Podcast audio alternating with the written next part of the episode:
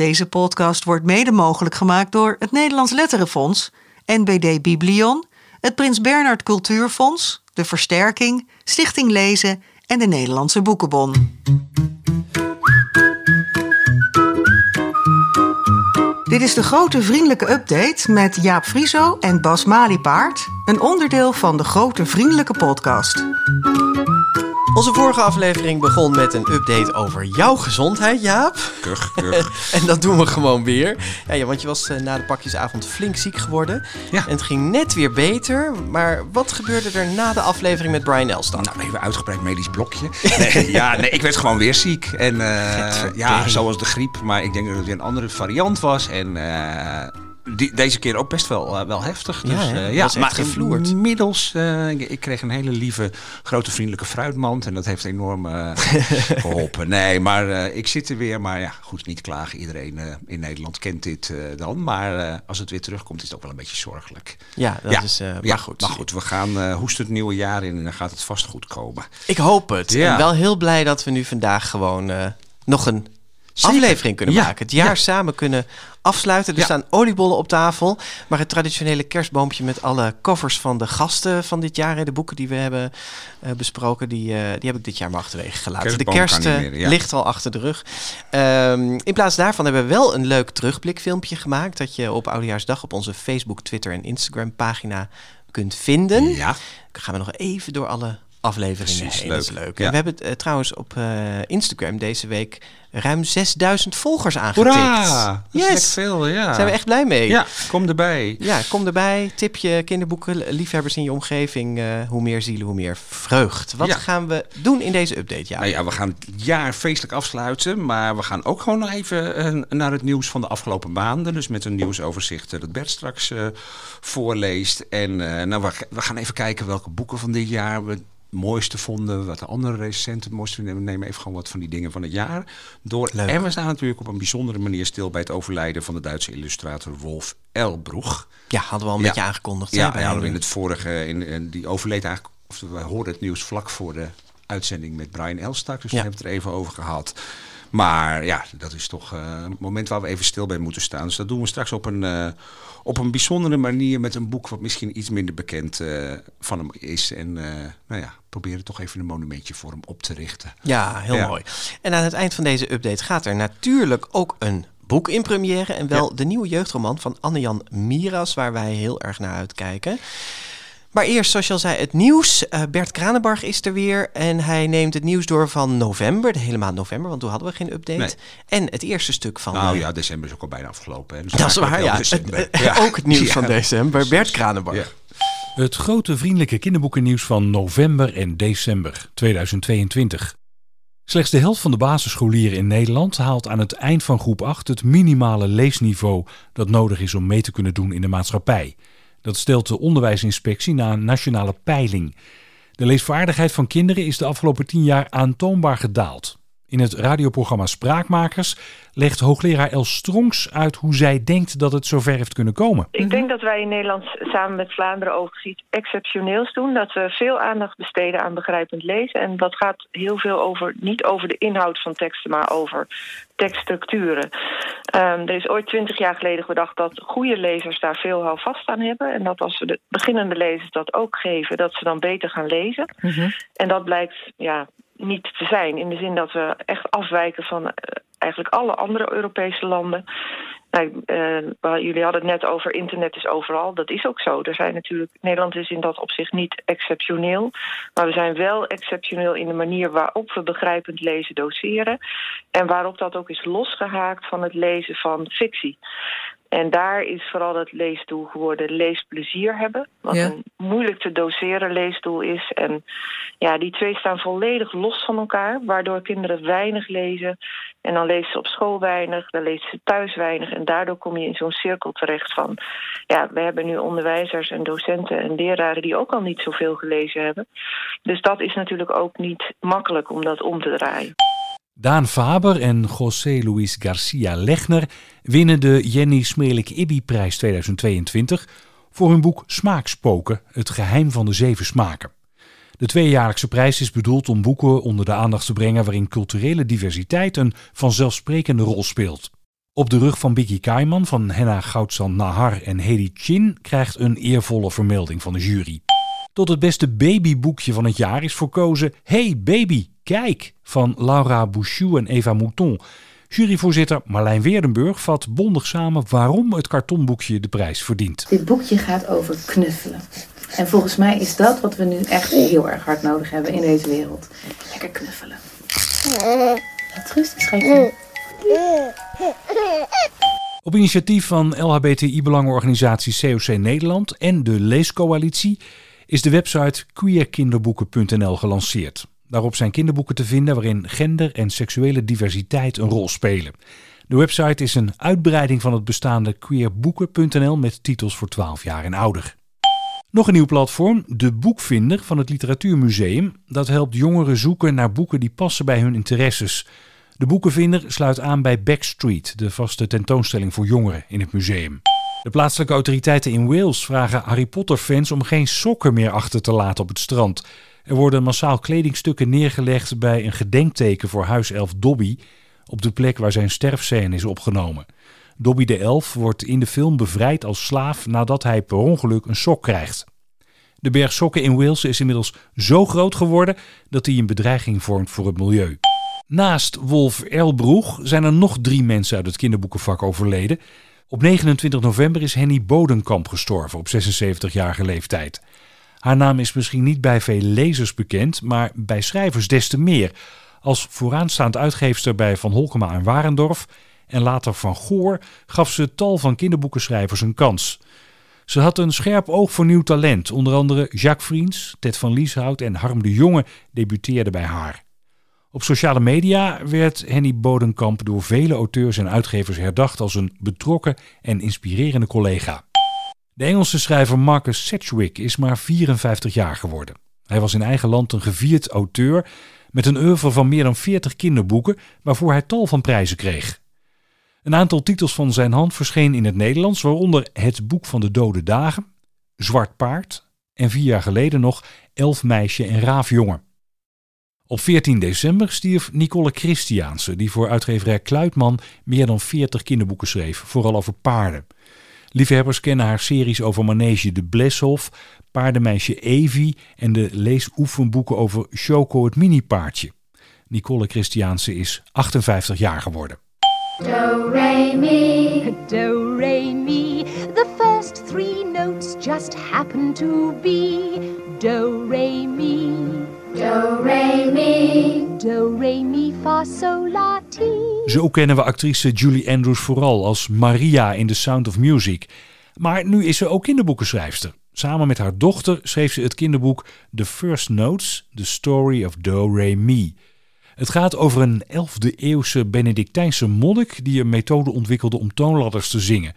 Of er een Nederlandse vertaling komt, is nog niet bekend. Kleine IJsbeer, een ijsbeer in de tropen van Hans de Beer, ligt vanaf half mei in de boekwinkel voor maar 2,99 euro in het kader van de actie Geef een prentenboek cadeau. Voor hetzelfde bedrag is vanaf 10 februari Dolfje Weerwolfje van Paul van Loon te koop. Geef een boek cadeau is bedoeld om zoveel mogelijk kinderen met boeken in aanraking te laten komen. Alle fracties van de Tweede Kamer hebben na een crowdfund-actie het non-fictie kinderboek Palmen op de Noordpool van Mark ter Horst ontvangen. Volgens de auteur omdat het grote verhaal van klimaatverandering in volwassenentaal voor sommigen nog steeds niet begrijpelijk is. Alice and Sparkle is de titel van het eerste commerciële kinderboek dat gecreëerd is met kunstmatige intelligentie. De illustraties zijn door de computer bedacht en de tekst is geschreven met behulp van een programma dat teksten genereert op basis van opdrachten. Het kwam de bedenker op veel kritiek te staan. Op sociale media noemen mensen het verhaal stom en slecht geschreven en kinderboekenmakers reageren verontwaardigd. Internationale roem voor de Vlaamse prentenboekenmaker Leo Timmers. Zijn prentenboek Het Eiland van Olifant is door de New York Times verkozen tot een van de beste kinderboeken van 2022. In 2019 kreeg hij al een eervolle vermelding voor de Engelstalige versie van Aap op straat. Tot slot nog een paar kijktips van Erik of het kleine insectenboek van Godfried Bomans is door het Nationale Theater een muzikale familievoorstelling gemaakt die tot begin maart in de theaters is te zien. En op Netflix staat een nieuwe animatiefilm over Pinocchio. Over there! What is that? Papa! it speaks! It's just a puppet. No, I'm not. I'm a real boy. People are sometimes afraid of things they don't know. Het is een grimmige versie van het verhaal die zeer lovend is besproken in de pers. Veel positiever dan de Disney remake met echte acteurs onder wie Tom Hanks. In aflevering 15 van de GVP tipten we de avonturen van Pinocchio in vertaling van Pita de Voogd en met tekeningen van Sjaak Rood. Netflix brengt ook de nieuwste Roald Dahl verfilming, Matilda. Het is een musicalversie met Emma Thompson in de rol van juffrouw Bolstronk. Once upon a time, there was a little girl who was trapped. This is the story of her great escape. Matilda, my name's Miss Honey. I believe you're a genius. Is maths your favorite thing? What I really like is reading. It's like a holiday in your head. Do you do that a lot? Get away from everything. Now get to bed, you little bookworm. Nou, wat een veel nieuws was Ja, het weer. Ja, ja.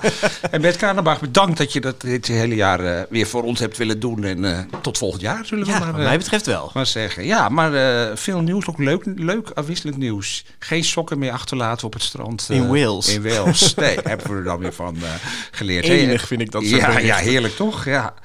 Ehm, en al die tips voor de pers, eh, kerstvakantie, Pinocchio, Matilda, Lampje. Heb, heb je er al iets van Ja, Lampje zat niet in het nieuwsoverzicht. Nee, maar, oh ehm, nee, ja. Maar die, die heb ik wel gekeken. Ja. Jij ook?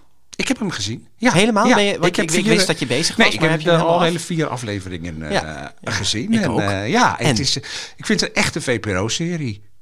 en Ja. is dat positief of Ja, negatief? dat is positief. Nou ja, dat is wat het is. Ik vind, eh, ik, ja, nee, het is heel mooi gedaan. Weet je, het is gewoon goed gedaan. Het is eh, echt, maar het is wel echt een serie. Ik, ik, dat, ik zat heel erg over na te denken.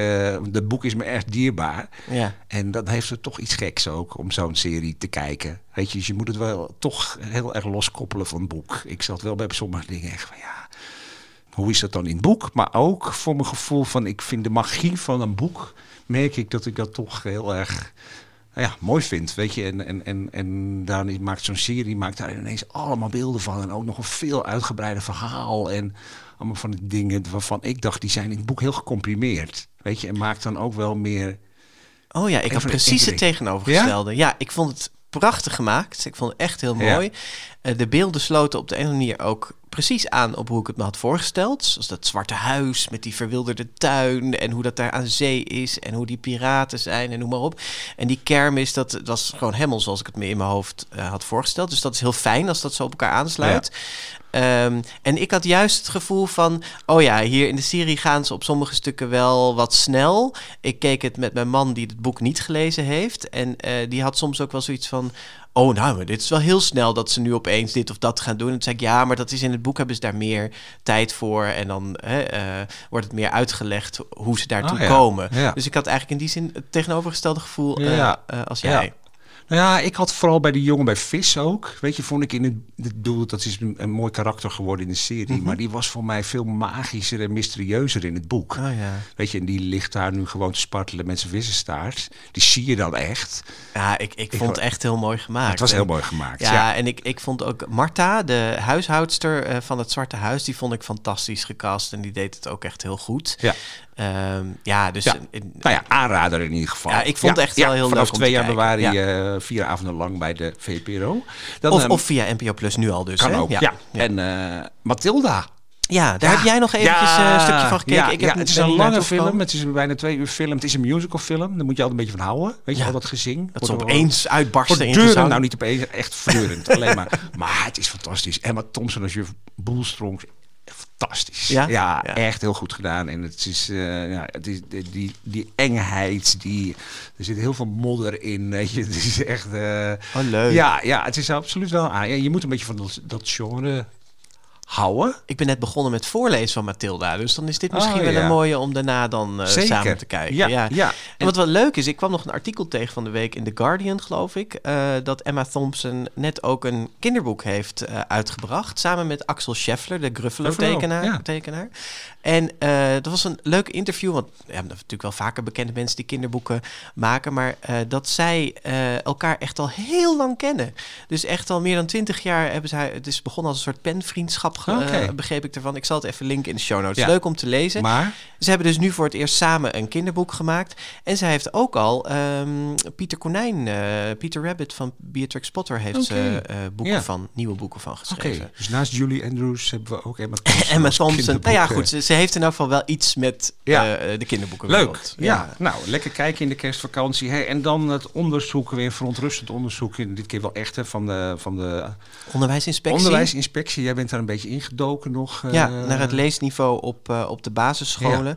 Eh, jij was er ook even op, eh, voor op de radio, Ik hè? op de radio ook even wat 1. zeggen, ja. Ja, Eh, ja ik, ik, ik, die noodklok wordt constant geluid. Hè? Vanuit allerlei organisaties eh, wordt er gezegd Ja, van dat je hoort hem steeds overal eh, Ja, bellen. ik vond dit toch weer net een andere noodklonk, omdat de onderwijsinspectie, dat klinkt ook wel echt, weet je, dat zijn echt ook de mensen die op die scholen ook echt inspecteren. Eh, dat, daar is dit onderzoek niet per se uit voortgekomen, maar dat, je hebt wel het gevoel dat die onderwijsinspectie heel direct betrokken is bij de scholen. En ook een vrij volledig beeld. Ja, precies. Ja. Ja. En ik, ja, ik schrok dan toch wel heel erg van het cijfer dat de helft van eh, de achtste groepers, dus aan het eind van de basisschool, eh, dat de helft maar het minimale niveau, het leesniveau haalt om mee te draaien in de maatschappij. En de andere helft dus niet. Nee. En dat vind ik wel echt heel erg. Ja. Weet je, dat... eh, eh, ja, en ik, ik, in dezelfde uitzending waar jij te gast was, Jaap, eh, op Radio 1, was dus die El Stronks, die eh, hoogleraar. Ja, die zegt van wij doen iets exceptioneels in Nederland. Dat klinkt heel goed, maar dat is eigenlijk helemaal niet goed. Want wij focussen heel erg op begrijpend lezen. Ja, en daarin, in dat begrijpend lezen, trekken we het, eh, het begrijpend lezen dus los van het fictielezen. Ja. En daar zit voor haar wel ook een soort eh, crux in het verhaal. Hè, dus dat dat eh, ja, heel erg gaat om, eh, nou ja, dat je, weet ik veel, signaalwoorden moet gaan herkennen in een tekst of alinea's moet kunnen samenvatten. Dat het heel erg gaat om de structuur in, Ja. in een tekst kunnen herkennen, in plaats van een tekst tot je nemen en Ja, in zijn geheel genieten van wat er genieten van staat. wat er staat, en Ja. van rijke taal. ja, eh, nou, ja dat is wel een eye-opener. Hè? Dat, moet, dat moet toch echt veranderen. Dat moet echt veranderen. Ja. En ja, een ander belangrijk cijfer in het onderzoek was wel dat, eh dat 50% van de kinderen, dus ook de helft, ook aangeeft thuis minder dan een kwartier te lezen. Ja.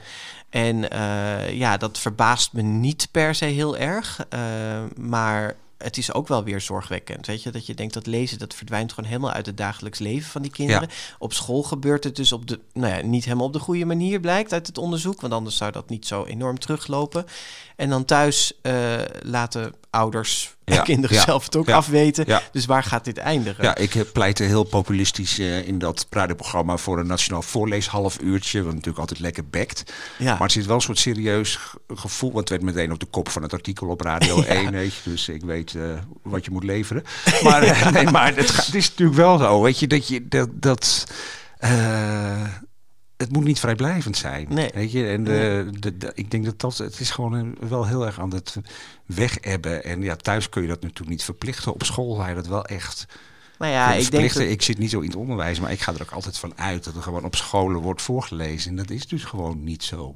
Nee, standaard. nou voorlezen is een van de dingen, maar Ja. ook het hele begrijpend lezen aanpak eh, Ja. is dus blijkbaar eh, niet helemaal eh, wat het moet zijn. Nou ja, goed, er worden door de onderwijsinspectie een aantal aanbevelingen of hoe zeg je dat, tips gegeven Ja. in het onderzoek die zeg maar bovenschools zijn, de vakinhoudelijke en didactische expertise en dat soort moeilijke woorden.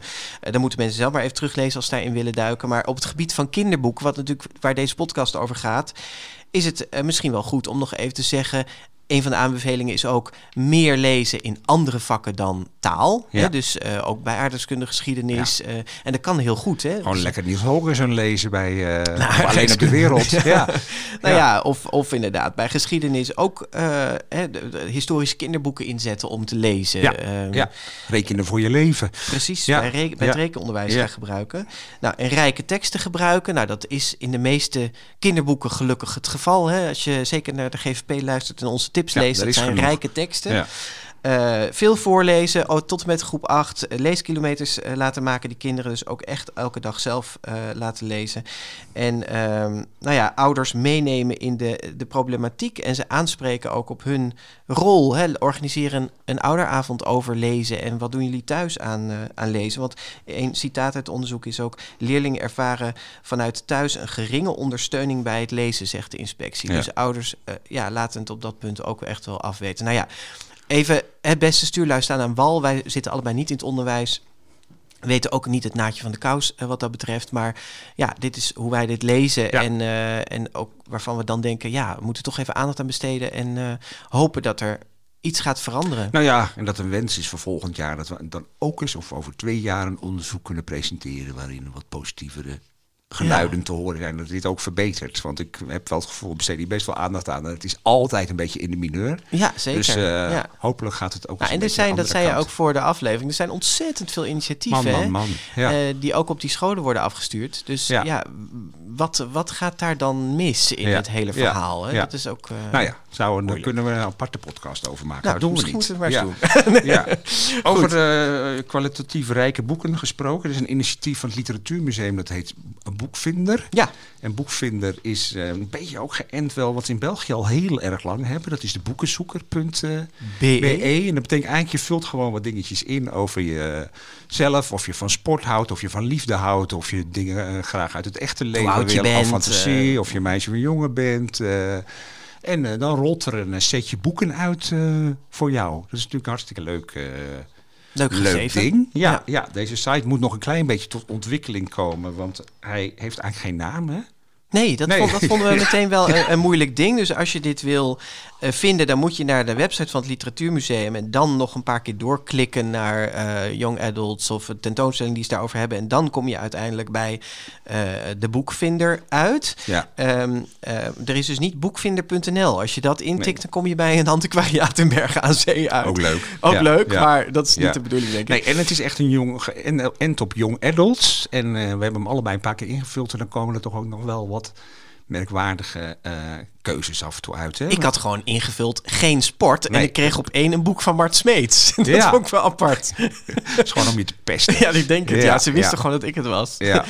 Nee, Nee, maar- maar, dat, dat, dat is zo'n zo'n website hangt natuurlijk heel erg van de input. En eh, ja, dat zal ook misschien op den duur, maar moet dat een beetje meer nog optimaliseren. Ja, en weinig eh, YA-boeken. Ik vond wel weinig van e-boeken. Ik heb er nou bij gisteren nog een paar keer ingevuld en ik kwam best wel ja, veel boeken tegen, maar toch Veel volwassenen ik, literatuur. Veel volwassen literatuur of andersoortige boeken. Het is leuk initiatief, maar de uitvoering moet nog een beetje aangescherpt eh, worden wat ons betreft. Nog Hoest, even hoest. een, een hoesje van jou. Ja, hey, en ehm, nieuws wat niet bij Bert zat, maar eh, wat toch zeker al wel... Ja, de, de, de CPNB heeft het online gezet, maar het is voor mij nog niet zo heel erg opgepikt. Het is over de griffels en de penselen, want die Nou. gaan opnieuw op de schop. Wat gaat er gebeuren? Ja, de, best wel heftig op de schop. Eh, de afgelopen jaren was er veel kritiek op dat er ontzettend veel prijzen werden uitgereikt. Hè. Dat zat om en nabij de 40 Ja. eh, prijzen, inclusief de vlag en wimpels, die sinds dit jaar dan de bronzen griffels eh, heten. Ja. Maar vanaf 2023 worden er drastisch minder prijzen uitgereikt. Ehm, en de bronzen griffels verdwijnen. Dus wie dit jaar een bronzen griffel heeft gewonnen, die heeft iets heel unieks. Die heeft echt een unicum. Die kun Ja. je echt over een paar jaar flink verpatsen via ja, Marktplaats. ja, Dan, want eh, de bronzen griffel heeft één jaar geleefd en bestaat niet meer. Nee, de vlag en wimpels bestaan ook, niet, meer, bij deze. Wat bestaat er nog wel? Er bestaan, even kijken, ik moet goed op mijn lijstje kijken. Maximaal twee zilveren griffels en twee zilveren penselen per categorie. Ja. Ehm, dus dat betekent dat we 12 zilveren griffels krijgen. Ja. Categorieën zijn dan- Maximaal. ja, ja dus- er zijn zes categorieën voor de griffels. Er Ja. zijn vier categorieën voor de penselen. En Precies. al die dat zijn dus ja, dus tien voor- categorieën. Ja, precies. Ja. Ja. Nee, Ja. dus 12 eh, zilveren griffels maximaal en 8 zilveren penselen maximaal. En daar wordt dan uit de Nederlandse genomineerden wordt dan nog weer de eh gouden, Gouden griffel. griffel. De gouden- Nederlandstalige, hè? Want daar hebben we ook nog Nederlandstalig, eh, aandacht aan besteed. Dat Ja, de Belgen ja. doen ook weer mee. En dan is er nog een hele belangrijke verandering, niet in het minst. Ja. Want het prijsgeld gaat enorm omhoog. Zeker, want dat was altijd 1500 euro. Nou, eh, ik- Voor een gouden griffel, Voor de gouden griffel. Een beetje een lachertje, zeker ten opzichte van de nu- boon die nu 50.000 Ja. euro is. Hè? En, eh, Wouter de- prijs voor mij 15.000 15.000 euro. Maar goed, daar maken ze nu 10.000 euro eh, eh, van. Ja. Dus dat is eh, mooi. Ja, de winnaar van de Gouden Griffel en van het Gouden Pistool, die krijgen allebei 10.000 euro. Ja. Daar kun je wel wat mee. Nou, dat is hartstikke goed. Ja. Ik, eh, ik ben hier blij mee. Ik vond het echt veel te veel prijzen. En ik kan je ook eh, vanuit zeg maar, de media zeggen van dat, dat dat door verschillende media ook zo werd ervaren. Hè, van wat een enorme Ja.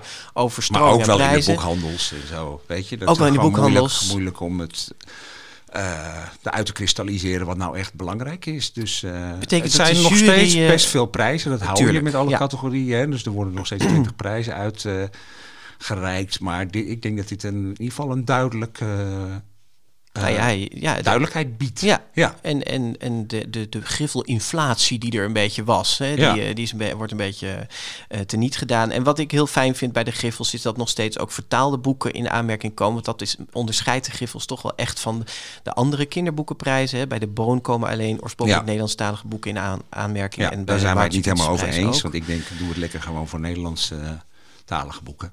Ja, nee, daar ben ik echt inderdaad helemaal nee, niet nee, mee maar eens. goed, Jaap. dat gaan we nu niet uitvechten. Je kan in ieder geval wel zeggen dat de, de invloed van Jaap Frieso, die nu in de Griffelsjury zit, dat er ineens enorm veel aan het veranderen is. Ja, dat is wel waar, ja.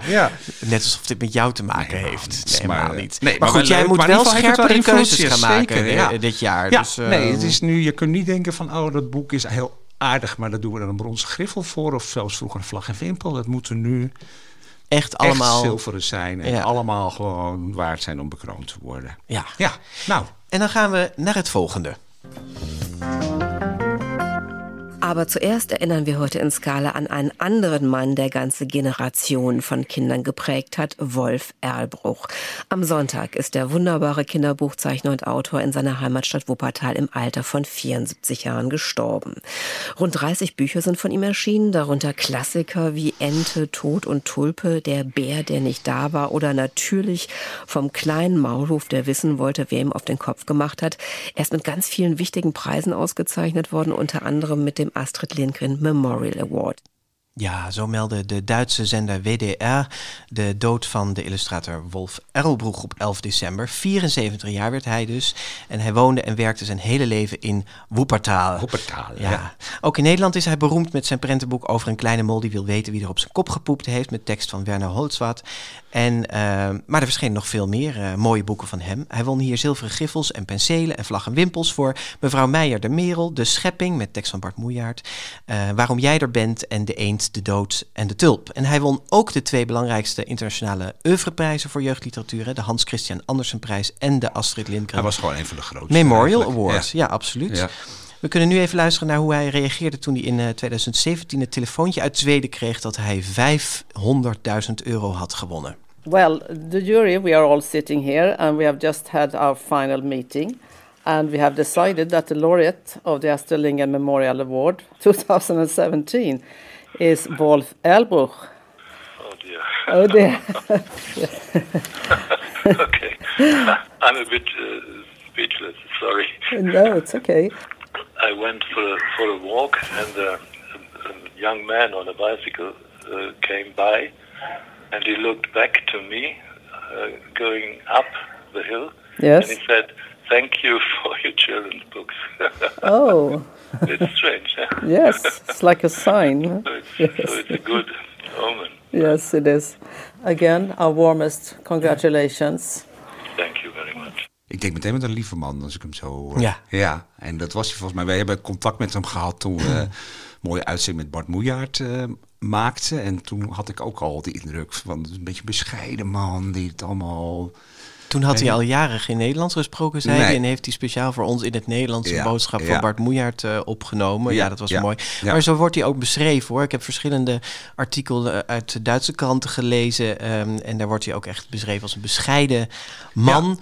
Toen hij werd gevraagd wat hij met die vijf ton van de Astrid Lindgren Memorial Award eh, zou gaan doen. eh, toen zei hij eerst maar eens een nieuwe broek kopen. Ja, Nou, dat zou ik ook, wel beetje. zeggen. Ja, ja. ja, Ja. maar ja, en, en toch die twee grote prijzen. Weet je, het is wel wat dat betreft echt gewoon een heel belangrijk eh, iemand geweest. En eh, we doen hem tekort door alleen altijd maar over die mol. eh, wat natuurlijk een prachtig boek is. Hè, Ja. Maar hij heeft echt veel. Was zijn doorbraak, hè? Dat, daar begon Ja. hij eigenlijk een beetje mee met dat ja, boek. Ja, wat gewoon een Ehm, heel leuk repeterend boek is. Maar uiteindelijk heeft hij heel veel boeken gemaakt waarin nou, toch ook echt wel grote thema's Ja, eigenlijk altijd wel. Hè? Het gaat altijd over het leven, de dood, dat soort grote thema's. En wat wel heel typerend is, is dat hij bepaalde lichtheid in zijn teksten, want hij schreef ook en Ja. ook in zijn illustraties had. En tegelijkertijd er heel veel diepgang in die, eh, in die boeken zat. Ja. En hij deed veel met collages en zo ook. Ja, het is, eh, je ziet dat hij soms stukjes papier gebruikt, soms lijntjes of ruitjes papier of, of leuke behangetjesachtige Ja, papiertjes gebruikt hij.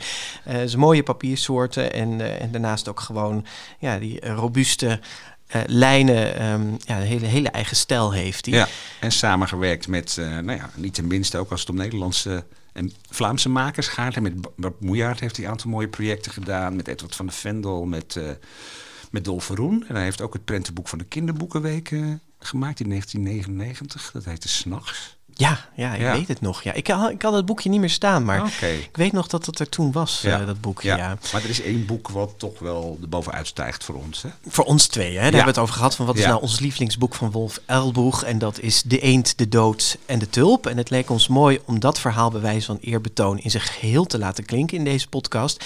Zijn Nederlandse uitgeverij Hoogland en Van Klaveren die was het daar eh, gelukkig mee eens. En we hebben aan NPO Radio 4-presentatrice Margriet Vromans gevraagd of zij het verhaal wilde inspreken voor ons. In de Nederlandse vertaling van Jacques Dome hoor je nu Ente, Tod und Tulpe.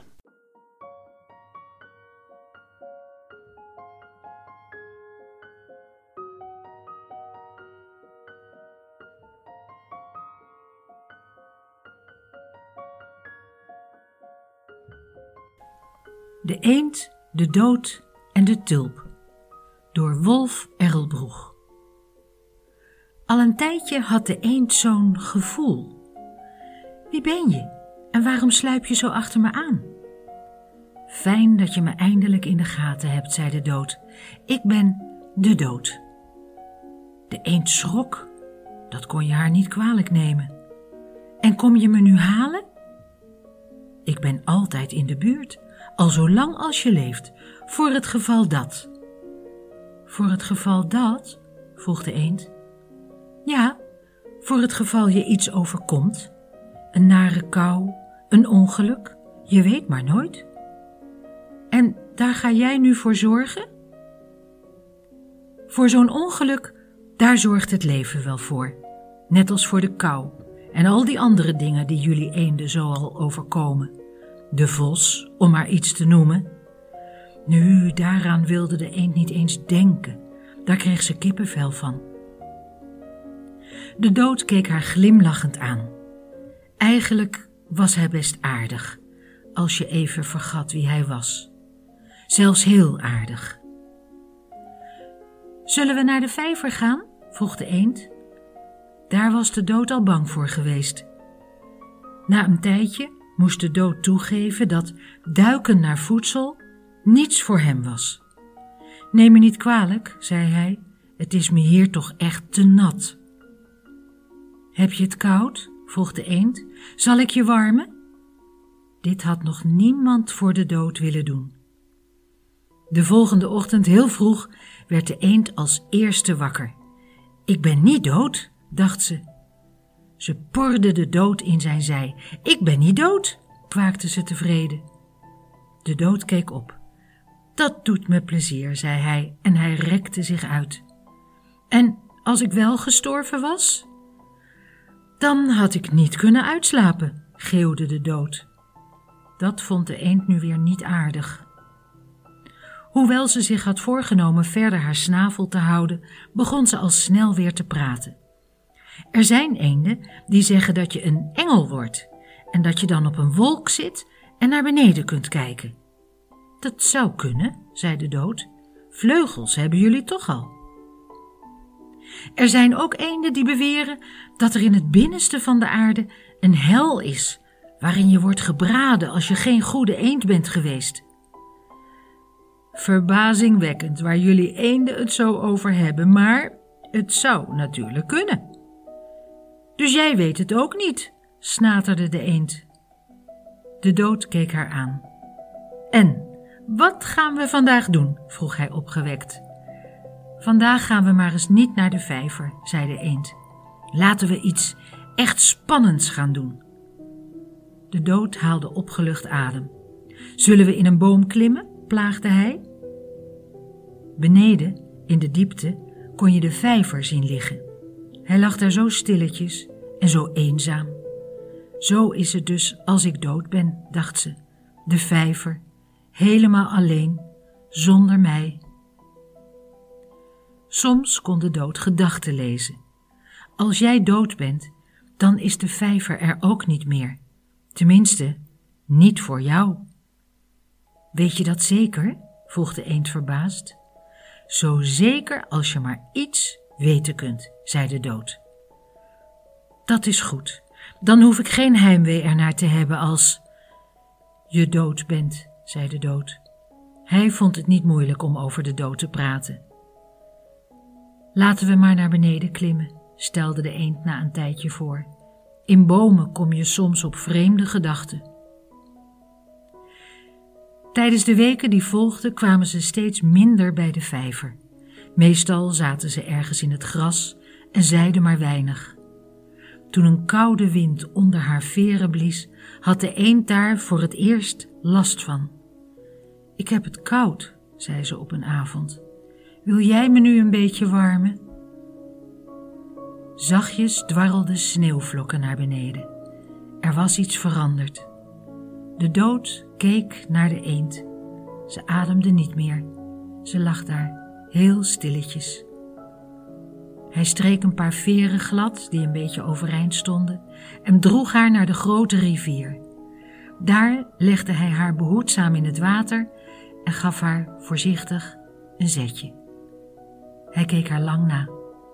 Toen hij haar uit het oog verloor, moest de dood even slikken. Maar zo was het leven.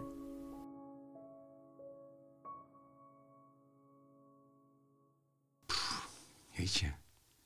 Mooi hè? Het is zo ontzettend mooi. Hè? En dan denk je, ja, deze man die heeft dus fantastisch geïllustreerd, maar heeft ook zo'n prachtige tekst uh, geschreven. Echt heel bijzonder. En er uh, zijn best vaak mensen die vragen van hoe kan ik met kinderen over de dood uh, praten? Hè? En welk boek past daarbij? Nou, dit, dit, boek dus. Ja. Weet je, dit is een verhaal waarin het leven en de dood zo prachtig gecomprimeerd wordt weergegeven. En die lichtheid, hè, de humor die er toch Ja. in zit en de Ja. diepgang. Ja. Ja, en nog even over die illustraties, want de tulp hoor je dus niet in de tekst. Hè. Dit boek heet De Eend, de Dood en de Tulp. Maar op de illustraties zie je eh, de dood, een, een schedeltje met eh, een lijfje eronder in een soort eh, lange jurk.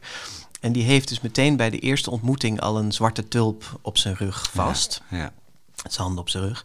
En die tulp komt aan het eind, krijgt hij een hele mooie eh, plek eigenlijk. Want dan is de eend overleden en dan gaat hij in eh, het water. En dan legt hij die zwarte tulp boven op de buik van de eend. En dan zie je ze zo samen wegdrijven. Ja, Ja. dat is echt een, Heel eh, bijzonder. Ja, de dood heeft geen moeite om over de dood te praten. Dat vind ik een prachtige zin. Nou ja, de eend, dood in de tulp eh, van Wolf Elbroeg. Dus we stonden op deze manier stil bij zijn overlijden... door Margriet Vromans te vragen het hele boek integraal eh, voor te lezen. De muziek was van Infinite Stream. En bekijk dat hele boek en, en koop het desnoods... of desnoods, koop het gewoon bij... het is uitgegeven bij Hoogland en Van Klaveren. Ja. Hey, voordat we gaan eh, terugblikken op dit jaar, nog even melden dat de grote vriendelijke prijsvraag van dit jaar een kleine week nu online staat. Ja, die hadden we natuurlijk willen aankondigen in de update, maar door ziekte is dat even niet gebeurd. Dus eh, de eerste eh, oplossingen stromen zelfs al. Nou, stromen. Er zijn een paar oplossingen binnen. Oh, het is Ja. ook nogal een klus. 114 vragen in pdf te downloaden van onze website. Degrootvriendelijkepodcast.nl. Scroll op de homepage een klein stukje omlaag totdat je de aankondiging ziet en dan kun je hem eh, downloaden. Hij wordt steeds langer, hè? Ja, want vorig jaar waren het er 100. Ja, de En- eerste keer waren het er 48 of zo. Ja, ja. Maar ja, onze luisteraars die, die weten ook gewoon steeds meer. Doordat ze nu al zo lang naar ons luisteren. Dat Een paar is jaar het, hebben eh, duizend vragen, mensen. Ja. Ja. Hey, vorig jaar stelden we een vraag in de update. Eh, nu geven we onze trouwe luisteraars een tip. Hè? Ja, ja. Nou, Want er is één vraag bij. Jij krijgt dan altijd. Ik maak die quiz in grote lijnen. Jij gaat hem dan heel secuur nakijken. En meestal dan ga je heel stoer doen dat je alles uit je hoofd eh, al wist. Maar er was nu wel één vraag waarbij je zei. Nou, dat wist ik niet meteen. En dat was vraag 52. En die luidt als volgt. Deze buitenlandse schrijver overleed dit jaar op 91-jarige leeftijd. Hij kreeg een zilveren griffel voor een boek. waarin een jongen vriendschap sluit met een witte muis. Ja, nou, als je dan de hele update, updates van dit jaar gaat doorvlooien, dan kom je een tegen. Alles- natuurlijk. alles kom je tegen. Ik wist maar- het gewoon niet meer Nee, uit mijn hoofd. maar- nou, een tip hierbij is dat deze schrijver onder een andere naam bekend werd dan zijn echte naam. En die echte naam is Jersey of Jersey Henrik Orlovsky. Jersey Henrik Orlovsky. Ja. Nou ja, eh, we hopen dat er heel veel eh, oplossingen binnenkomen. En doe het ook zo secuur eh, mogelijk. Want Ja. met heel veel goede antwoorden gaan we ook echt kijken naar wie hem het echt het allerbeste Ja, en hoofdprijs boekenbon 100 euro. Prachtig, Hè? ja, dus ja, dat eh, ja, wordt leuk. Ja.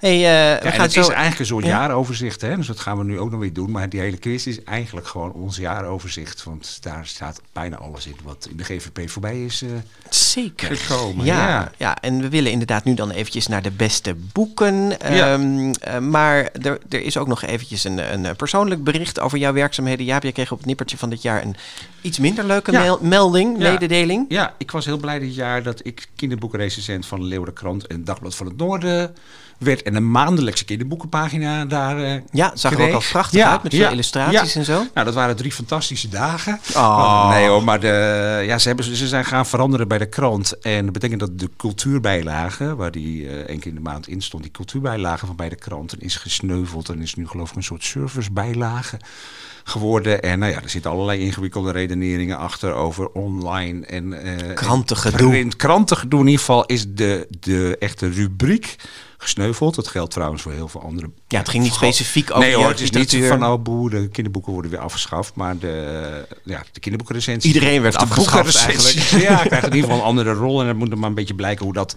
gaat. Weet je, ik ben nog steeds betrokken bij de krant en mag over kinderboeken schrijven.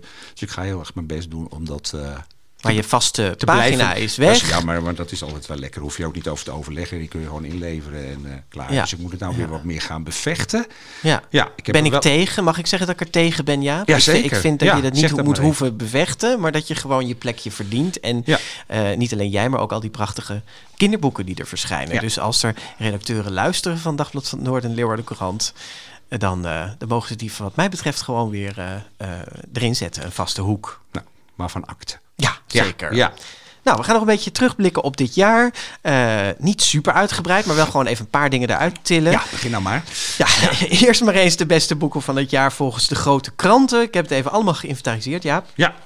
Eh, toen jij in bed Ja. lag, ben Nee, ik maar al die kranten leuk, doorgegaan. Iedereen, Ja. eh, Bijna iedereen heeft die lijst. Ik mocht dan ook voor het eerst en waarschijnlijk voor het laatst zo'n lijstje maken. Voor de, voor de Leeuwardenkrant. Ja. Jij hebt voor de Trouw zo'n lijstje gemaakt. En dan kun je uiteindelijk turven gewoon. Hoe, hoe vaak komen bepaalde boeken daarop voor? En Ja, hoe was dus- dat? Nou, hier zijn dus in meegenomen de lijstjes van NRC, Trouw, Volkskrant, Parool, Nederlands Dagblad, De Standaard uit Vlaanderen en Dagblad van het Noorden.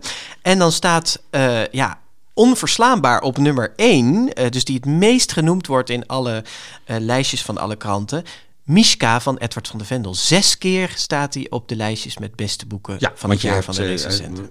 we hebben zeven media eigenlijk geselecteerd. Dus hij staat bij zes van de zeven media staat hij in het lijstje. Dat Ja, is echt veel. Dat is Ja, echt veel. Mishka. En daarna op plek 2. Wat wordt daarna het meest de, genoemd? De, de stoeptegel van Jaap Robben. Heel de wereld wordt, wordt wakker. Het overzicht van 30 jaar Nederlandse kinderliteratuur wordt vier keer genoemd. En ook vier keer Patroon van Marco Kunst. Ja, dat is ook eh, knap, ja? Nee, dus Ja. het, het, het zegt wel iets over welke boeken boven zijn komen borrelen. Eh, Het is niet elk jaar zo eensgezind. Hè? Ik bedoel, er is va- vaak Ja. zijn er wel één of twee titels die dan wel vaker genoemd worden, maar zes keer heb ik. Nee, dit is wel echt een boek wat er heel erg uitspringt. Ja, ja, dan hebben we nog drie keer eh, Morris van Bart Moejaert. Ja. En dat, dat, eh, tot daar heb ik het gedaan. Want daarna wordt het twee Ja, of één er één, keer. Dus ja, dan, eh, ja. ja. dus drie keer Morris. En eh, niet iedereen mag ook evenveel boeken in zo'n lijstje zetten. Weet je. Dus Nee. het is ook een beetje appels met peren vergelijken. Maar dit is wel een beetje wat er uitkomt over dit, eh, dit jaar. Ik had nog eh, daarnaast de rest van ons leven van Els Beert eh, in mijn top drie. Ja, had ik er ook heel graag opgezet. Ja. Maar ja, ik was ook beperkt Nee, tot een aantal eh, boeken. En toen had ik uiteindelijk toch voor Patroon gekozen. Ja. Eh, en ik had er ook nog opgezet. Ja, ik weet dat het ook een favoriet van jou is. Al was het maar om het varken Gijsbert. Ja. Ehm, Jefferson. Jefferson. Ja. Jean-Claude Mourleva. Ja, nou ja, ik vind het altijd heel leuk als je aan het eind van het jaar zo terugkijkt. Ik vond het best een, een goed kinderboekenjaar, maar niet een excellent kinderboeken, ja, maar er zijn altijd van die boeken die, eh, wa- waar je gewoon warme gevoelens bij hebt. Dat, dat is dit boek voor mij. Jefferson is gewoon zo'n boek. Denk, oh ja, dat is een lekkere boek van 2022. Gewoon, Ja, weet je ja. wat, eh. En ik zou het dus heel jammer vinden, Jaap, als zo'n soort boek dan geen kans meer maakt op een prijs in Nederland. Want het is wel een boek wat je aan heel veel. Maar goed, daar Ja. ga jij nu niet op antwoorden. Nee, doe ze maar Als- lekker in Frankrijk, denk ik dan. Ja, ja, precies. Goed. En dan, eh, eh, nou, niet op de lijstjes met beste boeken, maar toch even het vermelden waard. Is ja, nou een ja, boek zijn wat je... twee, de, de, het was ook wel een rijk poëziejaar. Heel de wereld wordt wakker is natuurlijk daar een prachtig eh, voorbeeld van. Maar er was ook nog eh, twee dichtbundels. eh, die, nou ja, het is toch altijd wel bijzonder dat er een, Ja. echt een dichtbundel van één dichter uitkomen. En Rijk geïllustreerd ja, ook Erik allebei. van Os, eh, applaus voor mijn vinger. En, eh, Hebben we getipt? Ja, en ik denk dat ik ontvoerd ben van, eh, van Pim Lammers. Die Dus ging in première bij ons. Daarom. Dus de poëzie eh, staat weer op de kaart. Ja. Ja, en ik vond nog een ander leuk boek, wat ik dacht, en dat kwam vooral omdat wij hier een hele leuke foto hebben gemaakt. Eh, Frank en Bert, hè? dat zijn wij een beetje. Zullen we die nog even in de show notes zetten voor de mensen die die ja, foto gemist hebben? Ja. dat was wel grappig. Ja. Nou, ik was blij dat eh, je, hebt, je hebt natuurlijk van die lievelingsschrijvers. Voor mij, dat heb ik nooit onder stoelen of banken gestoken, is Jason Reynolds een lievelingsschrijver. En eh, dan denk je bij elk nieuw boek van, gaat deze dan tegenvallen? Maar Ghost van hem vond ik toch ook wel weer heel erg mooi. Ja, Eh, jij vond hem ook mooi. Prachtig. Nee, ik vind het echt een heel mooi boek over. En, ja, en ook voor die, het is een beetje 18 plus, denk ik. Voor, Eh, eh, ja, ik zou wel 12 plus zeggen, 12 denk plus, ik. ja. Nou, Nou, goed. Ja, in ieder geval over een jongen die eh, nou ja, gaat hardlopen. Terwijl hij eigenlijk een andere sport wilde doen. Maar Ja. ja. die sport is een metafoor voor het leven, zeg maar. Hij rent ook weg voor dingen in zijn Rennen, leven. Ja. rennen, ja. En een lievelingetje die ik met heel veel plezier ook heb voorgelezen eh, dit jaar was Heksje Hazel van Phoebe Weil. Hebben we ook getipt in de. GVP. Maar eh, daar heb ik veel plezier aan beleefd. Eh, ja. Ja, leuk. Nee, een heel mooi boek. En, en nog boeken die je een beetje verrast hebben? Of ja, waar je... Ja, eh, wat mij persoonlijk heel erg verrast heeft, omdat ik er eh, van heb genoten, terwijl ik dat van tevoren niet had gedacht, dat was in het vervloekte hart van Rima Ori. Ja, want wij dachten laten we eens iets aan fantasy gaan doen. eh. Horror fantasy. Ja, horror fantasy nog wel. Ik had echt nooit gedacht dat ik dat leuk zou vinden. Nee, dat was maar, geen straf. Maar het was echt geen straf om dat Nee. te lezen. Ja. En we hebben ook een leuke aflevering eh, eh, over gemaakt met Rima. En ik las toevallig, eh, Rima die deelde in, in, in haar stories op Instagram een artikeltje wat volgens mij in het Brabants Dagblad stond, waarin een boekverkoper zei dat ze via de GVP Oh, ja. eh, in het vervloekte hart heeft ontdekt. Kijk. Dus dat vond ik ook wel weer leuk om te zien. Dat dat soort boeken dan ook weer Ja. ja, via Ja. de podcast weer hun weg vinden. Ja. En jij? Had jij nog een nou, verrassing? er was eh, één zo'n boek wat vind ik ook wel even genoemd moet worden, is Dodo van Mohana van Kronenberg. Dat is uitgegeven bij de Vier Windstreken, is doorgaans geen uitgeverij waar nou ja, literaire werken vandaan komen waar wij eh liever bespreken. Of, eh, en het was aan het begin van het jaar volgens mij dat de uitgeefster eh, een beetje zo zich opdrong, min of meer, van ik heb iets bijzonders, eh, ik ga iets bijzonders uitgeven. Nou, dat ging wel heel aardig. Opdringen klinkt een Nee, beetje nou, vervelend. maar toch wel maar- van, ja, dit moet je echt lenen, denk ik altijd Ja. van, joh, het zal wel. Maar eh, ja, gingen lezen Ja, en het gingen lezen en het was ook zo. En het is een debuut van, eh, nou ja, luisteren vooral terug op ons grootvriendelijk pakjes aan. Een indrukwekkend persoonlijk verhaal erachter over, eh, over stotteren. En zo'n boek wat, eh, nou, vond ik echt een, eh, een verrassing. Ja, een, naam die we nog niet zo goed Nee, kenden. en- nee, en een nee. uitgeverij bij wie je zo'n soort boek niet helemaal verwacht. Ja. En dan, ja, dus Ja. dat is- inderdaad Dodo. verrassend. Ja. Ja.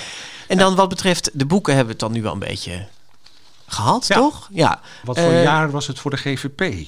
Voor de GVP.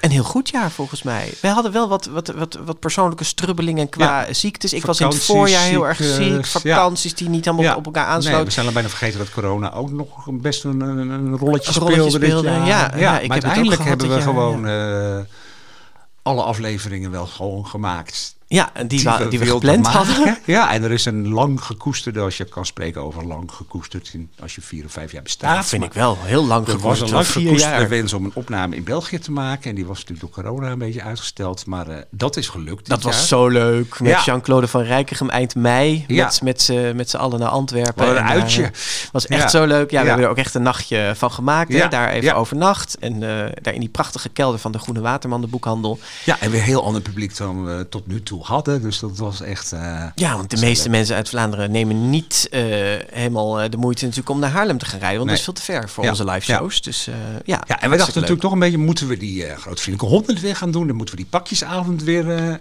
gaan doen. Nou, Is dat leuk? Nog een besloten- Ja, keer? was een, en was het leuk? Het was fantastisch Ja. weer. Ja, nee, en er wordt ook echt dit jaar voor mijn gevoel nog weer meer op gereageerd dan vorig jaar. Ja, hij sowieso enorm goed beluisterd. Ja, sowieso in het aantal stemmen zagen we dat al, hè, wat veel Ja. hoger was dan vorig jaar. Maar ook in de reacties achteraf en het aantal downloads van de aflevering. Ja, dus dat is maar echt, ik heb eh, ook echt nog eh, op, op wolkjes gezweefd na die avond. Want Zeker. Het was zo heel feestelijk. fijn. Het was echt een feestje van de kinderboeken. Dus dat hebben we het allemaal mooi... eh, Ja, maar dat zijn wel een beetje dan de twee grote live shows van dit jaar die we nu gaan noemen. Dus zijn er onder de reguliere afleveringen nog bijzondere momenten Ja, dat is altijd gevaarlijk, hè? Maar dan ga je anderen weer tekort doen. hebben, vind ik echt gewoon weer hele mooie gesprekken gevoerd. Maar Zeker. ik verkneugel me nog steeds wel een beetje op die maandagochtend... dat we hier in de boekhandel zaten, dat niemand het mocht weten... en dat we de boel een beetje afgedekt hadden... omdat Jochem Meijer Ja, dat was hier was. En dat we die gorgeltje op de microfoon hadden gezet... en eh, gewoon met hem Een verrassingsaflevering ja, ja, van dat dit was toch jaar. heel eh, leuk. En jij?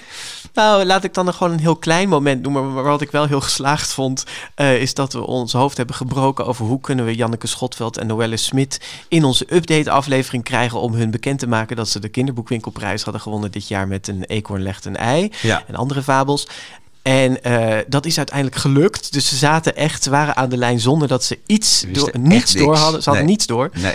Eh, en dat, eh, nou, dat hoor je volgens mij ook terug, de verrassing in hun stemmen. Ja, en, ja. Maar dat vind ik ook wel leuk van die podcast maken. Dat je heel vaak, bedoel, als jullie het luisteren, dan hoor je pas hoe het geworden is. Maar wij breken onze mooie hoofdjes natuurlijk altijd een beetje over van hoe, hoe gaan we dat nou op een leuke manier doen. En de ene keer pakt dat echt geweldig uit. En de andere keer eigenlijk ook.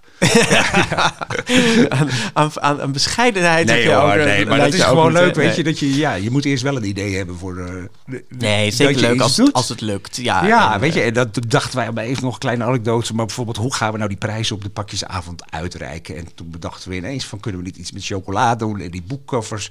Ja, en uiteindelijk liggen daar dan drie boekcovers eh, in, In chocola. chocola, En dan denk ik, wat ja. is het leuk? Ja, ja, ja. Goed. Nou ja, en we, ik heb trouwens van de week ook nog even op Instagram gevraagd van wat mensen van dit seizoen over hadden gehouden. Nou, er kwamen ontzettend veel leuke reacties op. En mensen die de première rubriek ook heel leuk Oh. vinden aan het eind van de Nou, we update. dat maar blijven doen. Gaan we Ja. daarmee door? Ja, hè? we maar blijven doen. Ja. Ehm, eh, en, en welke aflevering heel veel boven kwam drijven was die met Edward van de Vendel. Die eh, bestempelde mensen toch als een, eh, als een ontroerend gesprek vanwege de thematiek, denk ik ook, hè, van de vluchtelingenproblematiek die Precies, er eh, achter zit. Ja. Nou, en dan op naar het nieuwe jaar. Het nieuwe seizoen? Ja, we bestaan vijf jaar volgend jaar. En we gaan de honderdste aflevering. eh, Nou, dat wordt een Ja, feestjaar. een feest. Ja, we gaan natuurlijk gewoon weer heel veel leuke, gewone. We hebben al plannen weer voor, voor gasten. En houden goed in de gaten wat er allemaal verschijnt. Dus we gaan vooral gewoon weer heel veel mooie uitzendingen maken. Maar we willen dat ook wel een beetje gaan vieren natuurlijk op een of andere manier. Ja, toch? Ja, het lijkt, lijkt mij leuk om ergens Ja. een, een, een grote live show inderdaad te doen. Ja. Misschien rond de zomer. Ja. En dan eh, ja, ook een soort terugblik op vijf jaar GVP. Misschien, ja, weet ik veel. En het moet we- natuurlijk iets met een P, hè? Dus ik Ja. had al een beetje geopperd de grote vriendelijke parade. Ik vond hem uitstekend. Ja, dus dat zou het wel eens kunnen worden. Grote vriendelijke parade. Ja, en dan ergens in de zomer. En waar, hoe die er dan uit gaat zien, daar gaan we Nee. gewoon in januari over Ja, daar heb brainstormen. je al heel veel ideeën over. Eerst oliebol eten. Ja, ja, maar goed, dat wordt, eh, dat wordt wel een van de dingen van dit jaar. Ja. We willen natuurlijk weer sowieso eh, nou ja, live uitzendingen gaan maken, maar ook heel veel. En daar kwam een verzoekje over binnen via Instagram ook. Eh, je, je hoort het, op Instagram Ja. moet je zijn als je dingen over de GVP Oké, wil horen. ja. Eh, namelijk of we een keer, hè, we zijn nu naar het zuiden getrokken, Antwerpen hebben we aangedaan. Kunnen we niet ook een keer naar Friesland of Groningen komen? Nou, Dus dat in- lijkt het me een heel goed idee. Kijk, precies. Ja, gaan we niet de hele aflevering in het Fries Nee, doen, ja. Maar, eh, Maar, ik ben eh, er altijd erg voor, de provincie in. Zullen we dat dan gewoon ook als stip op de horizon zetten voor volgend jaar? Om, eh, om ergens in het noorden een, eh Ik zie hem aflevering staan, te doen? een stip op de horizon, Nou, in het noorden. Ja, ja. met een Friese vlag erbij, Ja. ook als we in Groningen Ja. zitten. Hey, en die rubriek eh, die we gewoon blijven eh, gaan doen dan Ja. maar, hè? Ja. dat is eh, deze. De grote vriendelijke première. Ja, voor de laatste keer dit jaar dus een première, maar niet voor het laatst in de GVP. Eh, in juni ontving Anne-Jan Miras het Charlotte Keuler Stipendium, een aanmoedigingsprijs voor beginnende schrijvers. En we kenden haar toen al van haar boeken Portiek Zeezicht en de GVP-tip Hom- Homme en het Noodgeval. In maart, 2023 dus, verschijnt er een nieuw boek van haar hand, Het Kleine Heelal, dat hier bij ons in première gaat. Twee achterlijk kleine raampjes. Eén voor het bovenbed en één voor het onderbed. Formaat kattenluik vonden ze blijkbaar groot genoeg voor een caravan. Er komt nauwelijks licht door naar binnen. Ik hoor mam door het gangetje heen en weer lopen. Hoe laat zou het zijn? De deur gaat op een kier en mams hoofd verschijnt. Raaf, weet je het zeker? De hele ochtend hier alleen? Wil je niet liever mee? Ik red me wel, zeg ik. Mam veegt een pluk haar uit mijn gezicht. Ik kom vroeg lunchen, om half twaalf. En niet te veel voor school doen. Geschorst is geschorst. Drie tellen later gaat de deur weer op een kier. Raaf, ik heb een euro op de pindakaas gelegd. Misschien is het winkeltje open. Eerlijk delen met Soef. Vlak daarna verschijnt mams hoofd nog een keer. Nu met helm op. En bel me als er wat is. Heb je nog genoeg beltegoed? Ik steek mijn duim op. Dit is niet het goede moment om te vertellen dat mijn telefoon nog in de bureaula van juf Nora ligt. Gisteren was er ook al geen goed moment voor. Vanavond misschien.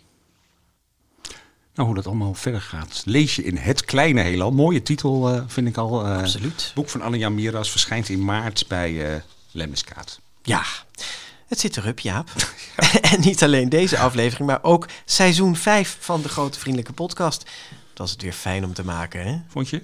Ja, ja, ja absoluut. Ja, nee, we hebben ervan genoten en uh, ja, allemaal weer met heel veel plezier gedaan. En uh, het blijft gewoon uh, heerlijk, groot, vriendelijk en geweldig. Uh, bedankt aan al onze gasten die uh, hier live aan tafel in Kinderboekenwinkel Kiekboek uh, en aan de telefoon op alle andere manieren ons ter wille zijn geweest. Natuurlijk ook bedankt aan Jessica Jonkind en haar team van Kinderboekwinkel Kiekboek. Dat we hier weer een heel jaar in deze fijne winkel tussen de boeken mocht zeggen zitten. En natuurlijk aan onze grote vriend Mark Brouwer voor weer een jaar lang. Ja, jee, Mark.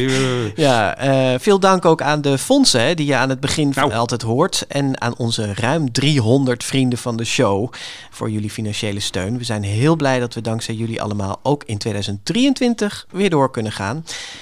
En onze luisteraars, hè. Het ja. is altijd ontzettend fijn om, uh, om van jullie te horen via Instagram, Twitter, Facebook, mail of tijdens de live shows. Maar ook als je nooit iets laat horen en alleen lekker luistert, Tuurlijk. dan zijn we ontzettend blij met je. Bedankt voor het luisteren dit jaar. Dankjewel. We gaan nog heel even kerstvakantie houden en ons dan voorbereiden op de januari-aflevering. Ja. Die is er ook al zomaar weer. Die is alweer geproduceerd. Ja, die, staat alweer klaar. geproduceerd, want we gaan stilstaan natuurlijk bij de 20e verjaardag van de Nationale Voorleesdagen. En dat doen we met de tekenaar van het prentenboek van het jaar. Iemand die volgend jaar 70 jaar wordt. Jan Jutte. Oh, daar Leuk. kijken we naar uit. Ja. Een groot vriendelijk nieuwjaar toegewenst allemaal en tot dan. Tot dan. Dit was de Grote Vriendelijke Update. Heb je kinderboekennieuws? Mail het naar info@degrotevriendelijkepodcast.nl.